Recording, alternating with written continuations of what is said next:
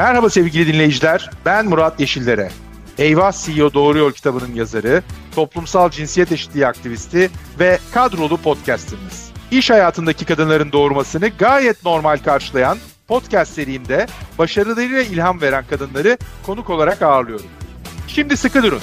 Menarini'nin katkılarıyla hazırlanan Türkiye'nin ilk %100 cinsiyet eşitliği garantili podcastinin bu haftaki konuğu Ayşe Kaşıkırık. Ayşe Hanım hoş geldiniz. Hoş buldum, teşekkür ediyorum. Evet, bugün e, konuğumuz küresel eşitlik ve kapsayıcılık alanın kurucusu Ayşe Kaşıkırık. Bu toplantıyı uzunca zamandır yapmak istiyorduk. E, çünkü yerel seçimler yaklaşıyor ve Ayşe Hanım'ın liderliğinde birçok sivil toplum örgütü, keşke sayıları daha da fazla olsa ama e, birçok sivil toplum örgütü e, yerel yönetimlerde daha fazla kadın aday olması için çaba gösteriyor, ses çıkartıyor. E, Ayşe Hanım sizin de bu anlamda özellikle odaklandığınız nokta ki e, benim de çok çok önemsediğim e, kadın muhtar sayısının artması. E, isterseniz ben böyle kitabın ortasından girmeyi seviyorum. Hemen oradan başlayalım. Türkiye'de şu anda kadın muhtar oranı yüzde iki civarında yanlış bilmiyorsam. Bize birazcık mevcut resmi birazcık anlatırsanız ve de arkasından da neler yapmaya çalışıyorsunuz oradan devam edelim. Öncelikle e, gerçekten çok e, kıymetli e, ve önemli bir konu muhtarlık konusu. Çünkü siyasetin giriş kapısı. Çok iyi bir noktadan başladınız. Aslında Türkiye'ye de özgü bir model, yönetim modeli başka yerde yok. Yani 1829 yılından beri hayatımızda ve Cumhuriyet'in öncesine dayanan köklü bir kurum. Lakin bu kadar kolay, bu kadar erişilebilir, halkla doğrudan temas halinde olan bir kurum olmasına rağmen çok iyi e, bir noktada ne yazık ki değiliz. Hatta kadınların siyasette en düşük temsil edildiği alan muhtarlık desem e, umur yani tahmin ediyorum ki birçok insan şaşıracaktır. Gerçekten öyle. Kadınlar milletvekilliğinde yüzde yirmi, meclis üyeliğinde yüzde on, belediye başkanlığında yüzde üç, muhtarlıkta yüzde iki oranında yer alabiliyor. Hem bu kadar Burada, kolay. burada sözünüzü balla kesiyorum çünkü şu da önemli. Ben bunu ara ara söylüyorum. Aslına bakarsanız kimsenin sizi aday göstermek durumunda olmadığı, çünkü diğer saydıklarınızın her birinde bir parti hiyerarşisi var. İşte parti başkanının öncelikleri var, teşkilatın öncelikleri var ama muhtarlıkta e, isteyen herkesin elini kaldırıp muhtar adayı olabildiği ve bizlerin de sandığa gittiğimizde o kişilere oy vererek muhtar olarak seçebildiğimiz bir modelden bahsediyoruz. Parantezi kapatıyorum. Sözü tekrar size bırakıyorum. Çok iyi bir noktaya değindiniz. İşte bu yüzden doğrudan demokrasinin en güzel noktası. E, ve düşünebiliyor musunuz? Arada parti hiyerarşisi yok. Partilerin bize dayattığı bir aday listeleri yok. Parti süzgecinden geçmiş, süzülmüş listeler değil bunlar doğrudan aday çıkıp broşürünü hazırlayıp mahallesinde, köyünde kampanyasını yürütüp e, gayet seçime girebiliyor. Bu kadar güzel ve doğal bir süreç. Demokrasinin muhteşem işlediği, hani o yüzden kılcal damarı denir. Demokrasinin özü denir. Olması gereken, siz diyorum eğitimlerde kadınlara, siz aday adayı değilsiniz. Doğrudan adaysınız. Bundan daha güzel bir şey olabilir mi diyorum. Bunun kıymetini bilmek gerekiyor diyorum. Lakin sayılara gelecek olursak, şimdi e, Cumhuriyet'in 100. yılını kutladık. 101. yılındayız ve e, bakacak olursak hayatımızda bu kadar eski 1829'dan beri olan bir kuruma Şimdi rakamlar önümüzde. Türkiye'de 32 bin mahalle, 18 bin köy var. Küsuratı ile beraber e, yaklaşık 50 bin muhtarlık var. Şimdi 50 bin muhtardan bakacak olursak 1134'ü kadın. Yani e, buradan köy muhtarlığına da özel olarak değinmek istiyorum. Çünkü Türkiye'de sadece 124 tane köy muhtarı kadın var. 1010'u mahalle muhtarı kadın. Yani köy muhtarlığında kırsala gittikçe zaten kadınların görünmezliği çok çok e, azalıyor. Ve biz e, burada şunu söylüyoruz aslında e, yerel siyasete giriş kapısı, siyasetin anahtarı muhtarlık kurumu. Ama kadınların da bin bir türlü engelle. Özellikle toplumsal cinsiyet eşitsizliği ve mahalle baskısını, toplum baskısını en şiddetli hissettiği yerde muhtarlık. Siz e, 2019 yerel seçimlerinde kader değdiniz ve e, yanlış hatırlamıyorsam o zaman kader e, hakikaten değerli bir kampanya yapmıştı. Yerel seçimlerde daha fazla kadın ve özellikle de muhtar e, olması için. Yanlış hatırlamıyorsam da gene %60 civarında muhtar sayısı artmıştı. Yani bu konuştuğumuz sayılar aslında bakarsanız %60 veya üzerinde artmış sayıları konuşuyoruz. E, belki böyle bir podcast'i 2018'de yani 2019 yerel seçimleri öncesinde yapsaydık daha içler acısı bir resimle karşı karşıyaydık. Katılıyorum size. Aslında e, yani kadın örgütleri şu anda çok örgütlü bir şekilde yani e, Kader, Ben Seçerim, Eşi, Kadın Koalisyonu birçok kadın örgütü e, yerel siyasette e, daha çok kadın görmek için özellikle muhtarlıklardan başlayarak yer alması için çok ciddi ve çok kıymetli çalışmalar yapıyor. Eşitlik yerelde başlar diyorlar, eşitlik mahallede başlar diyorlar. E, işte e, kadınlara e, yerelde yer açalım diyorlar, yer var diyorlar gibi. Bunların hepsi çok kıymetli. Ben şu, şu açıdan bakıyorum olaya. Türkiye'de hiçbir kadın sorununu tek başına bir dernek çözemez. Hatta hiçbir sorunu tek başına bir dernek çözemez. Keşke çözebilse. Öyle bir gücümüz olsa sivil toplumda. E, bu kadın sorunlarında da geçerli, çevre sorunlarında da geçerli. O yüzden biz diyoruz ki e, daha çok kadın derneği, daha çok insan hakları derneği bu konuyu el atması gerekiyor. Çünkü temsil hepimizin sorunu. Geleceğimiz burada belli oluyor. Evet, e, yani birçok derneği görüyoruz, çok kıymetli çalışmalar yapıyoruz e, hep beraber. Lakin bizim hem sayıcı artmamız gerekiyor, hem sözümüzü, sesimizi daha gür ve güçlü çıkarmamız gerekiyor. E, biz bunun e, sahada karşılığını daha çok almalıyız. Bakın, halen daha kadın adayların broşürleri parçalanıyor, kesiliyor, biçiliyor, gözleri deliniyor, burunları çıkartılıyor tehdit alınıyor, para ver çekil, e, bak şimdi iş kötüye gidecek, bize başka yollar, yöntemler aratma denilen bir sürece giriyoruz. Keşke bizlerin sesi, hepimizin sesi daha güçlü çıkabilse ve biz e, bunu sahada, pratikte gerçekten gö görebilsek ama şu anda kadınların çok büyük bir kısmı da muhtar adaylığından çekiliyor biliyor musunuz? Bu baskı çok ciddi bir baskı. Çok e, ilginç geliyor bu anlattığınız. Yani e, bir taraftan e, evet çok çok değerli ve çok çok önemli bir e, mevki ve dediğiniz gibi siyasete ilk giriş noktası. Ama öteki taraftan da hani bunun böyle bir neredeyse ekmek kapısı olarak görüldüğü ya da bir güç e, gösterme noktası olarak görüldüğü ve kadın ya da erkek adaylara e, tehditlerin olduğu e, bir şeyden bahsediyorsunuz. Gene sizin e, Hürriyet'te e, verdiğiniz mülakatı okudum. Orada da e, işte erkek adayların kendi meslekleri çerçevesinde e, ödüller, hediyeler dağıttığını e, olası oy verecek insanlara işte kasabın et dağıtması gibi e, vesaire ya da berberin e, ücretsiz kesim yapması gibi şeylerden bahsediyorsunuz. Yani aslına bakarsanız en tepede gördüğümüz siyaset çirkinliklerinin e, en alta tabana indiğimizde de aynen devam ettiğini görüyoruz. Oy satın alanlar. Bakın 2019 yerel seçimlerinde biz Çankırı'da yaşadık. Ben aslen Çankırılıyım. Çankırı'da bir muhtar adayı e, bütün seçmenlerine, köy muhtarı seçmenlerine toplam 80 bin TL para dağıttı. Bakın yani bu 2019'daki 80 bin TL bu arada. Yani şu anda 1 milyona yaklaşan bir e, rakamdır. Halen günümüzde belli. Sana diyor kadın 50 bin TL teklif ettiler bana diyor. Ayşe Hanım diyor çekilmem için diyor rakip diyor. İstediğin neyse verelim yeter ki ayağımıza bağ olma. Bir bu boyutu var hani çok iyi bir noktaya değindiniz. Yukarıdaki kirli siyaset hani yerel siyasette genel siyasette rant, imar, ihale üçgeninden bir türlü çıkamıyor. Biz aynısını muhtarlıkta geliyoruz. Mahallenin sütçüsü, tüpçüsü, emlakçısı her zaman ve her dönem muhtar adayı. Çünkü her eve giriyor. Onlar için önemli olan şey şu. Ben muhtarlıkta diyor asgari ücret tutarında bir ödenek alacağım. Belime de tabancayı takacağım diyor. Herkesi tanıyacağım. Kaymakamını, valisini, belediye başkanını, mahalle seçmenini, köy seçmenini. E, dolayısıyla diyor bir diyor itibar kazanacağım. Bir statü. Buradan diyor ben belediye meclis üyeliğine, belediye başkanlığına, vekilliğe rahat yürürüm diyor. Bir bu boyutu var.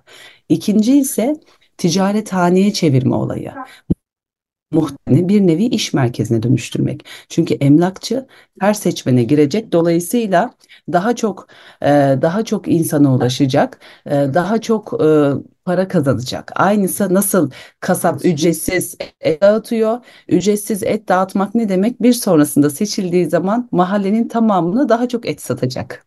Aslında bu kirli siyaset çarkı, para üzerine, rant üzerine dönüşen siyaset tam anlamıyla muhtarlıklarda o kadar belirgin oluyor ki. Yani mesela bakın site yönetimlerine e, buradan da bir çağrıda bulunalım. Kadınların afişlerini astırmıyorlar ama erkeklerin afişlerini astırıyorlar biliyor musunuz? Ve bir sitede 3000 5000 kişinin yaşadığı yerler var. Çünkü apartman yöneticilerini veya e, apartman kapıcılarını bir şekilde parayla ele geçirmiş oluyorlar ve kadınlar o sitelere, o apartmanlara giriş yapamıyor. Çok çok enteresan. Aslında bakarsanız kadınların Ben de konuştum. Kusura bakmayın. Neyse arkada yok düşünüyorum. estağfurullah estağfurullah.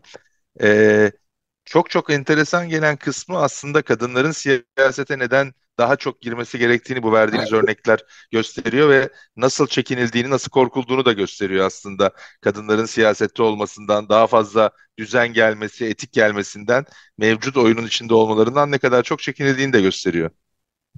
Yani bakın muhtarlıkta bunu yaşayan kadın e, aslında bu arada yukarıya çıktıkça şiddeti tabii artabilir ama emin olun muhtarlıkta daha şiddetli. Çünkü burada parti yok. Doğrudan adaya bütün saldırı. Yani mesela bunu sahada çok sık duyuyorum. Çok çirkin bir ifade. Dul kadına oy mu verilir? Neden diyorum? Evde başarılı olamamış diyor. Aileyi yönetememiş diyor. Eşiyle mutluluğu sağlayamamış. Mahallede mi bu mutluluğu sağlayacak diyor. Ben geçen hafta bunu İstanbul'da Avcılar Muhtar adayından duydum. Çok çok çarpıcı. Ee, aslında şeyi de e, dinleyenlerimizle paylaşalım. Gene sizin e, ben e, paylaşımlarınızdan görüyorum bunu.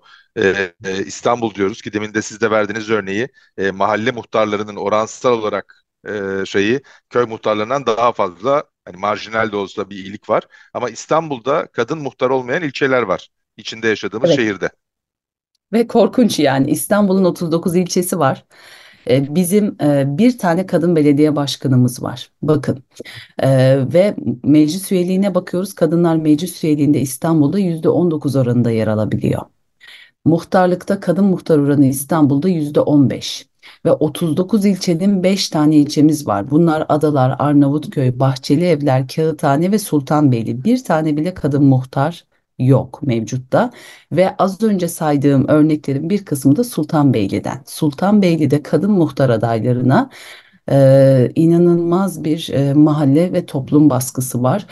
Bir de şunu söyleyelim. Sosyoekonomik statü arttıkça kadınların adaylaşma oranı da artıyor. Kadın adaya oy verme tercihi de artıyor. Biz bunu İstanbul'da Beşiktaş ve Kadıköy'de görüyoruz. Kadın muhtar oranı yüzde 60 civarında. Yarıdan çoğu kadın muhtar Beşiktaş ve Kadıköy'de. Ama bazı ilçeler var hiç yok. Bazılarında yarıdan çok. Bakın aradaki sosyoekonomik fark muhtarlık seçimlerinde de kendini gösteriyor. Şu açıdan da bakabiliriz. Bakın Bağcılar, Bayrampaşa, Çatalca, Esenler, Sultan Gazi ve Tuzla gibi ilçelerde ise sadece bir tane var. Yani e, gerçekten İstanbul Türkiye'nin vitrini diyoruz, laboratuvarı diyoruz. İstanbul'daki karşılaştığımız Sultanbeyli'sinde, Avcılar'da e, kadınların medeni durumundan dolayı bekarsa bekar olmasından kaynaklı, evliyse evli olması, eşinin statüsü, eşinin mesleği, çocuklarının giydiği kıyafete kadar kadının başının açık ya da kapalı olmasına kadar, taktığı saate kadar adaylık sürecinde e, bir baskı unsuru haline gelebiliyor. Ben Sultan Gazi'de yaşıyorum. Tek kadın muhtarımız var ve e, inanılmaz bir baskı var diğer mahallelerde kadın adaylara karşı. Biz bir tane kadın muhtarla baş edemiyoruz. Bir de diyormuş ki mevcut muhtarlar kendi aralarında başka kadın muhtar çıkartmayın başımıza. İyi çalışın erkek muhtar adayları, başımıza başka kadın muhtar getirmeyin. Peki e, burada birazcık da e, sizin e, çok değerli çalışmalarınız, çabalarınız var. Onlardan da bahsetmek istiyorum. Çünkü e, bir taraftan bugün yapmaya çalıştığımız gibi e, oy verecek, sandığa gittiğinde seçim yapacak e, seçmenlere e, farklı bir alternatifi altını çizerek göstermeye çalışıyoruz veya nasıl daha iyi bir e, yerel yönetim yapılabileceğini kadınlarla.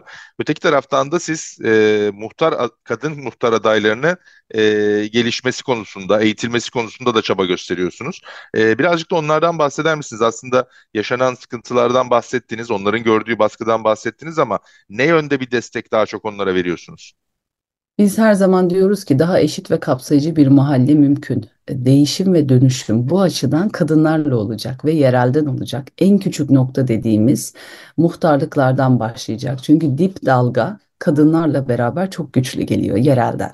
Çok fazla kadın muhtar adayı var. Tüm bu olumsuzluklara rağmen pes etmeyen, direnen, her türlü engeli aşan ve bu yolculuğu önümüzde iki ay kaldı devam ettiren kadın muhtar adayları var ve sayımız artıyor. Ben umut ediyorum e, Biz 2019'da e, o dönemki Eşitlik Mahallede Başlar kampanyasıyla e, %1.71'lerdeydi. Bunu %2'lere çıkarttık, 2.24'lere. Yani %60'tan fazla bir artış oldu.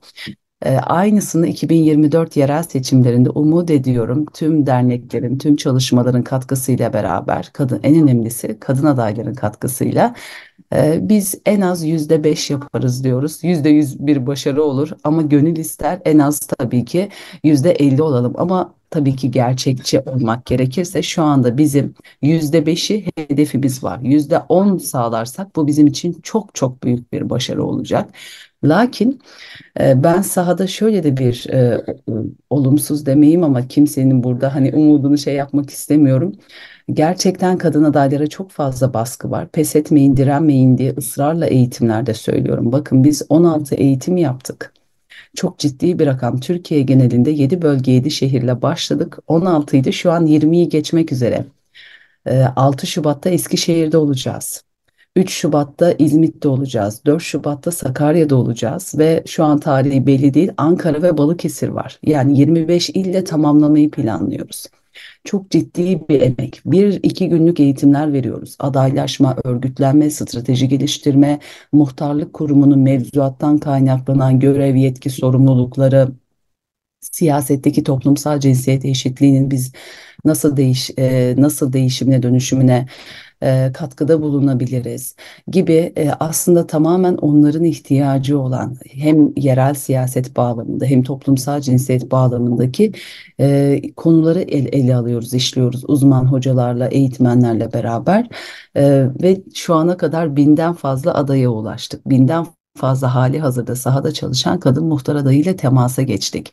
Bu bir boyutu eğitimler, yüz yüze eğitimler, bir de online eğitimler var. Online eğitimlerle beraber de geçen hafta başladık biz e, hemen hemen her haftada bir akşam 2-3 saati bulan e, eğitimler oluyor. Burada da yine e, önce mevzuat çünkü mevzuatı iyi bilmeleri gerekiyor. Muhtarın ne iş yapacağını, görev sorumluluklarının ne demek olduğunu çok iyi bilmeleri gerekiyor. Sonra da kampanya yönetimi e, seçmeni ikna etme, seçmen davranışını değiştirme gibi e, taktikler e, öğrenmeleri çok iyi oluyor. Sahada ellerini güçlendiriyor. Ve e, bu eğitimler seçime kadar online'da yüz yüze de devam edecek. Bunun dışında biz bir kapıda sen aç kampanyası e, çok sembolik ve çok ses getiren bir kampanya oldu. E, mahallelerde, e, köylerde eşit temsile, eşit katılıma bir kapıda sen aç dedik. Çünkü bu işin iki boyutu var. Evet kadınlar aday olacak ama sandığa gittiği zaman seçmen de lütfen kadını artık aday olarak görsün ve e, tercihini kadın muhtar adayından yana kullansın dedik. E, seçmen eğer oy tercihini kadından yana kullanırsa bu tablo değişecek. Diğer boyutu da bu. E, bunu da e, her daim vurguladık. Bir kapıda sen aç e, sloganı oldu. E, görünürlük çalışmaları yapıyoruz. Kadın muhtarlarla röportajlar, muhtar adaylarının yaşadığı sorunları gündemde tutmaya çalışıyoruz. Seçime kadar böyle. Seçildikten sonra da umut ediyorum birçoğu hepsi seçilir daha çok kadın muhtar olur. Seçildikten sonra da seçilmiş olan tabii kadınlarla, mevcut e, muhtarlarla e, kapasite güçlendirme eğitimleri yapacağız. Gerek insan hakları olsun, gerek e, günümüzün güncel konuları, sürdürülebilirlik, çevre yönetimi, mahallede dirençlilik, afet yönetimi gibi konularda muhtarların ellerini güçlendirmek istiyoruz bu alanda. Çorbada tuzumuz olursa, katkıda bulunursak ne mutlu bize. Harika. Ee, siz biraz değindiniz ama bir şeyi de sormak istiyorum. Mevcut kadın muhtarların bu çabalar içinde nasıl rol oynadığını hem rol model olmak anlamında hem eğitimde hem motivasyonu arttırmak açısından.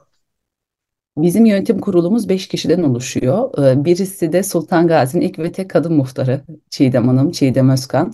Buradan da kendisini ismen geçirelim. Yeniden aday.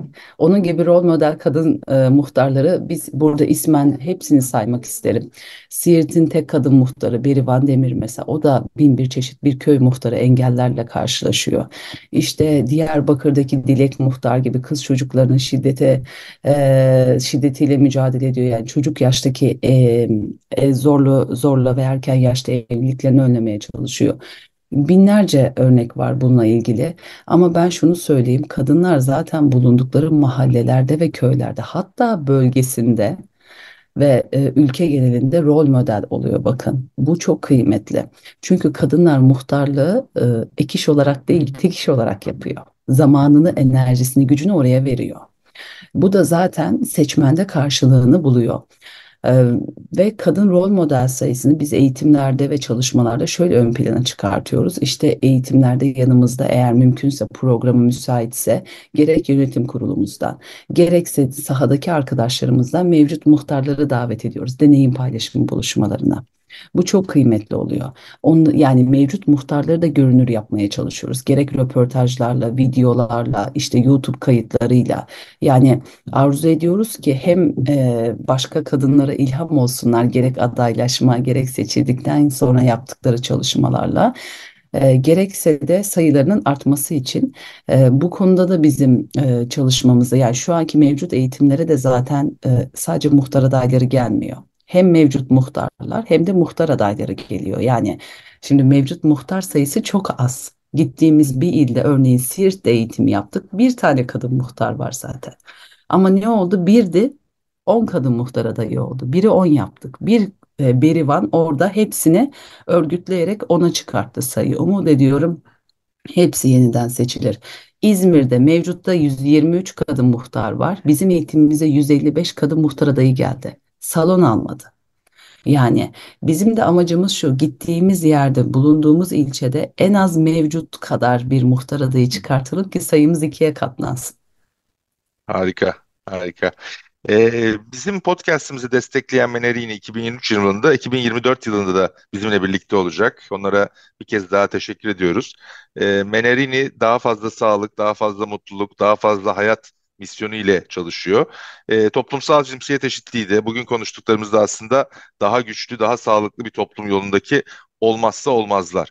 E, Menerini'nin 2023 yılında bizi konuk olan herkese sormamızı rica ettiği, bizim de sorduğumuz bir sorusu var. Ben önemsiyorum o soruyu. Sizinle de onu sormak istiyorum. Size de onu sormak istiyorum. Toplumsal cinsiyet eşitliği açısından sihirli bir değneğiniz olsaydı, daha mutlu, daha eşit bir toplum için, toplumsal cinsiyet eşitliğinin sağlanması için hemen neyi değiştirmek isterdiniz?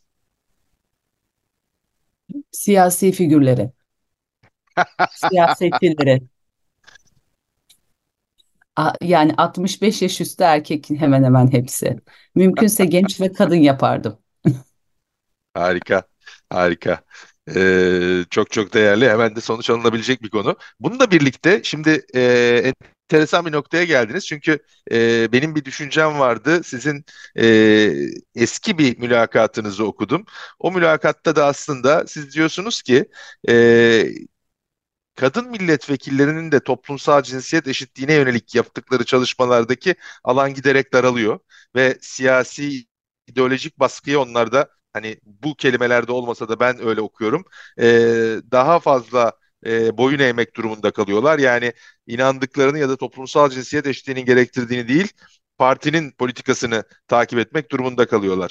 E, birazcık da bunu konuşmak isterim. Yani çünkü demin söylediğiniz o sihirli değnekle değiştireceğiniz şeyi anlıyorum. Kadınların ve gençlerin gelmesini istiyoruz ama e, mesela meclise yolladığımız kadınlar da mecliste kadınların haklarını mı yolluyorlar, e, koruyorlar yoksa partilerin ideolojisinin mi arkasından gidiyorlar diye sorduğumda çoğu ikincisi cevabını veriyor. Ne yazık ki öyle. Çok iyi bir noktaya değindiniz. Bununla ilgili bir araştırmamız vardı. Ee, gerçekten mecliste sunulan yazılı ve sözlü soru önergelerine baktığımız zaman e, kadın milletvekillerinin e, yani çok bir soru önergesi özellikle toplumsal cinsiyet eşitliği bağlamında yok. Sıfır diyemem. Yapanlar var ama çoğunluk olarak baktığım zaman çok yetersiz ve zayıf kalıyor. E, ben burada şunu değiştirmek isterim dedim. Evet siyasetçileri bir temizlemek lazım. Yani bir temiz siyasete dönüştürmek lazım. Bunun yolu da kadınlar ve gençlerden, yeni yüzler, yeni soluklar. Biz buna şey deriz yani taze kan, fresh, freshlenmesi gerekiyor aslında siyasetin bir bu. Ama bunu yaparken de biz sahada onu çok denk geliyorum. Eril siyaset yapan kadınlarla çalışmak zorunda kalıyorum. Yani tepeden tırnağa, A'dan Z'ye söylem, ifade, tarz, tavır, üslup, e, yaptığı siyaset biçimi dahi eril siyaset. Yani şimdi bu kadar eril siyasetin, e, eril siyasetle yoğrulmuş bir düzenin e, taşıyıcısı haline geliyorlarsa o zaman cinsiyetin de bir farkı kalmıyor. Dolayısıyla biz arzu ediyoruz ki gerçekten e, haktan yana, eşitlikten, adaletten yana kadınların ve çocukların sorunlarını gündemde tutabilecek kadın milletvekillerine ihtiyacımız var. Eğer bu sorunları onlar da kulak arkası ediyorsa ya bütün kadın sorunlarını ben mi çözeceğim deyip e, partinin gündemini e, eğer mecliste ön sıraya taşıyorsa o zaman bir fark yok. Ama üzgünüm buradan e, çok net bir şey söylemek istiyorum. Erkekler bize alan açmayacak. Bizim sorunlarımızı da onlar gündeme getirmeyecek. Getirmiyor zaten. Getirse biz bu noktada olmazdık. Dolayısıyla yine kadınlar çözecek. Yani e, umut ediyorum kadınlar toplumsal cinsiyet eşitliği konusunu gündeme alırlar. Bu arada sadece kadın ve çocuk konusu değil, erkeklerin de konusu, hepimizin konusu toplumsal cinsiyet eşitliği meselesi. Ama bu ülkede halen yani üç kadından biri şiddete uğruyorsa, kadınlar muhtarlıkta yüzde iki temsil ediliyorsa, halen üçte biri kadınların sigortalı işte çalışabiliyorsa demek ki çok derin bir eşitsizlik var. Bu makas çok açık kadınlar aleyhine. E, bunu değiştirmek de yine sizler bizim temsilcimiz olarak parlamentoda, e, meclis üyeliğinde, ba- belediye başkanlığında bizim sorunlarımızı önceliklendirmelisiniz. Biz size bu umutlarla oralara taşıyoruz. E, Çok dolayısıyla çarpıcı söyledikleriniz. Çok çarpıcı söyledikleriniz. Yani bunlar aslında hani kad- ben de onu şöyle kadın meselesi değil. e, insanlık meselesi ve erkeklerin çözmesi gereken bir mesele sizin bahsettiğiniz şekilde. E, çok çok çok çarpıcı. Kusura bakmayın. E, kendimi tutamadım. Araya girdim ama Yok lütfen iyi devam edin. yaptınız. Yani hepimizin sorunu bunlar ama e, şimdi siyasette ve toplumsal hayatta toplumsal cinsiyet eşitliğine duyarlı insanlara ihtiyacımız var. Kadın, erkek, herkes bu konuda duyarlı olmalı. Ama mecliste erkekler arasında ha şu anda yerel seçim gündeminde bile iki aday, iki erkek arasında geçen yarışa şahit oluyoruz. Nerede bunların yerel seçim beyannameleri? Nerede bunların politikaları? Nerede hani yerelde kadınların, çocukların, engellilerin, yaşlıların hayatını e, düzeltebilecek politikalar nerede? Yok. A adayı şunu yapmış, B adayının şarkısı buymuş, C adayı şöyleymiş. Bakın hiç şey konuşmuyoruz biz. Yani yok öyle bir şey gündemde. Yani kadın sorunları, çocukların halen daha o kadar istismara uğruyor. Bunlar gündeme gelmiyor bir türlü. Çünkü biz halen daha o kirli siyaset çarkında, eril siyaset böyle bir şeydir işte. Parti siyasetini gündemde tutar, ideolojiyi gündemde tutar. Ve eğer kadınlar da bu siyasetin eğer bu çarkın içine girdiği zaman taşıyıcısı haline geliyorsa ne yazık ki bir şey değişmiyor ki biz bunu görüyoruz inanın. Belediye başkanlığında, meclis üyeliğinde yani kullandığı kelimeler, tutumları, davranışları e, yani her anlamıyla gerçekten partinin bir taşıyıcısı haline gelmiş. Kadın siyasetçi figürü çıkıyor karşımıza. O yüzden diyoruz ki seçildikten sonra kesinlikle erilleşmeyin. Eril siyasetin taşıyıcısı olmayın. Çok önemli. Ee, bir başka boyutta e, gene ben gözlemlediğim kadarıyla e, siyasi örgütler ya da partiler e, kendi görüşlerindeki sivil toplum e, paydaşlarıyla daha çok konuşuyorlar. Bırakın çalışmayı.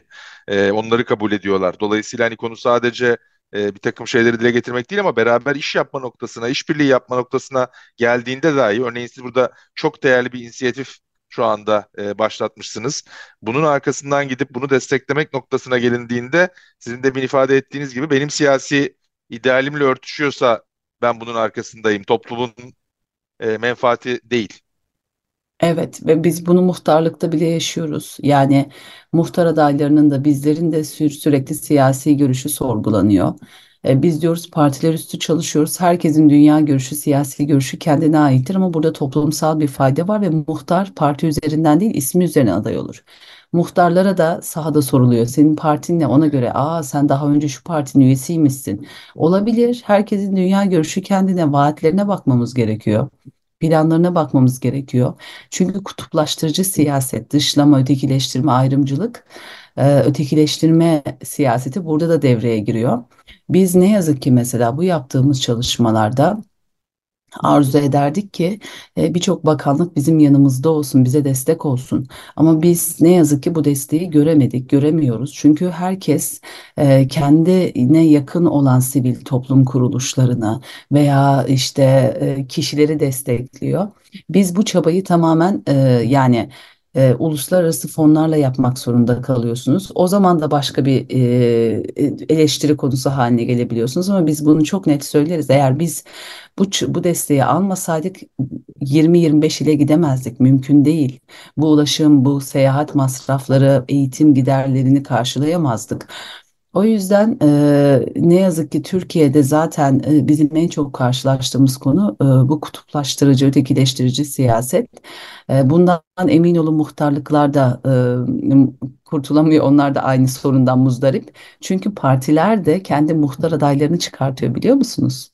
Her partinin mahallede bir mahalle temsilcisi, mahalle sorumlusu oluyor ve onlar gidiyorlar e, aday çıkartıyorlar. Yani ruhuna aykırı, özüne aykırı bir şey bu. E, ve bu yani seçime giderken sanki her şey mübahmış gibi, sanki seçime değil de savaşa gidiyormuş gibi bir algı yaratılıyor. Ve biz bunun karşılığını zaten sahada da görüyoruz. Siyasetin o çirkinliğini, kirliliğini her seviyede aslında e, görüyoruz. E, dediğiniz gibi en altta, tabanda da. E, yavaş yavaş podcastimize ayırdığımız sürenin sonuna doğru geliyoruz ama e, kapatmadan en başta bahsettiğiniz birkaç şey vardı. Onları e, bir kez daha duymak istiyorum. E, başka bir de işte e, kadın muhtar adaylarına ya da siyasette bu şekilde girmeyi e, ya da o yerel yönetimin içinde yer almayı isteyen kadınlara e, ne tavsiye edersiniz, ne önerirsiniz? Öncelikle pes etmeyin, sonuna kadar gidin diyorum. Yani bu işin en önemli noktası bu bir psikolojik, e, nasıl diyeyim, savaş demek istemiyorum ama psikolojik bir mücadele. Yani burada sizi yere çekmeye çalışacaklar, e, sürekli motivasyonunuzu, moralinizi bozmaya çalışacaklar, e, ilgili farklı söylemler, dedikodular ortaya çıkartacaklar. Lütfen ve lütfen pes etmeyin. Birinci nokta sağlam ve güçlü bir iradedir. Yani aynanın karşısına geçip de eğer 91 yıl önce Gülesin, Aydın'ın Çine ilçesine bağlı Demircidere köyünden seçilip Türkiye'nin ilk kadın muhtarı olduysa 1933 yılında ben de 2024'te şu şu ilin bu mahallesinde köyünde muhtar olabilirim deyip aynaya bakıp kendimizi ikna edeceğiz. Kendimizi ikna edersek ailemizi de ikna ederiz. Sonra seçmeni ikna ederiz. Bunlar çok önemli.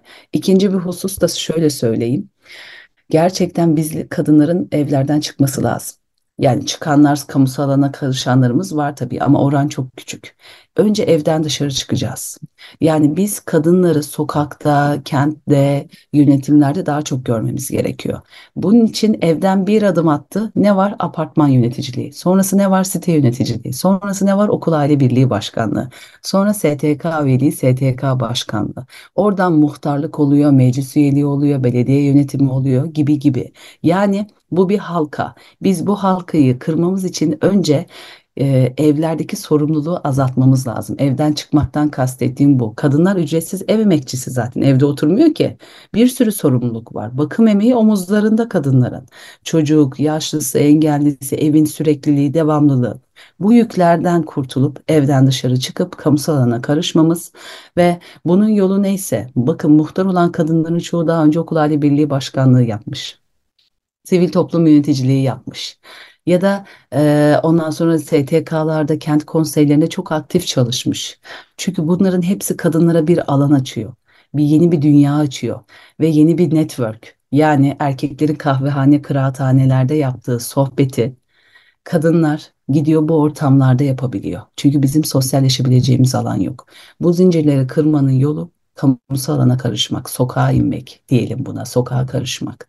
Sokağa karışacağımız zaman da bizim sosyalleşebileceğimiz alanlar neresiyse orada seçmeni yakalamamız gerekiyor. Eğer e, siyasete girmeyi düşünen burada henüz aday değil, düşünen kadınlara da şöyle tavsiyede bulun, bulunayım. Bir an önce harekete geçmeniz gerekiyor. Yani durduğumuz yerde olmuyor. Bir şeyleri değiştirmek istiyorsak e, harekete geçmenin yolu da gerek sivil toplumda, gerek siyasi partilerde eğer meclis üyeliğini ve diğer adım, e, adımları, kademeleri düşünüyorsanız ama muhtarlığı düşünüyorsanız eğer gerçekten hiçbir engeliniz yok. Bir an önce başlayın çalışmalara. Afişinizi, broşürünüzü bastırın, kendinizi doğru ve güzel ifadelerle ifade edin ve kapı kapı dolaşın. Kapı siyaseti yapın diyorum. Çünkü seçim önce sahada kazanılıyor, sonra da sandıkta kazanılıyor. Harika. Ayşe Kaşıkırık, yolunuz açık olsun. Çok önemli bir misyon üstlendiniz. Ee, umut ediyorum e, ilk hedefiniz olan o yüzde beşlik orana ulaşabiliriz. E, ama e, ne harika olur ki yüzde ona yaklaşabilsek e, ya da onu aşabilsek. E, el birliğiyle umut ediyorum e, bu yolculuğun sonu mutluluk olacak. Çok teşekkürler bugün bize zaman ayırdığınız için. Ben teşekkür ediyorum davetiniz için. Kolaylıklar diliyorum. Eyvah CEO Doğru da bu hafta konuğumuz Ayşe Kaşıkırık oldu. Önümüzdeki bölümde farklı bir kadın liderle tekrar karşınızda olmak dileğiyle.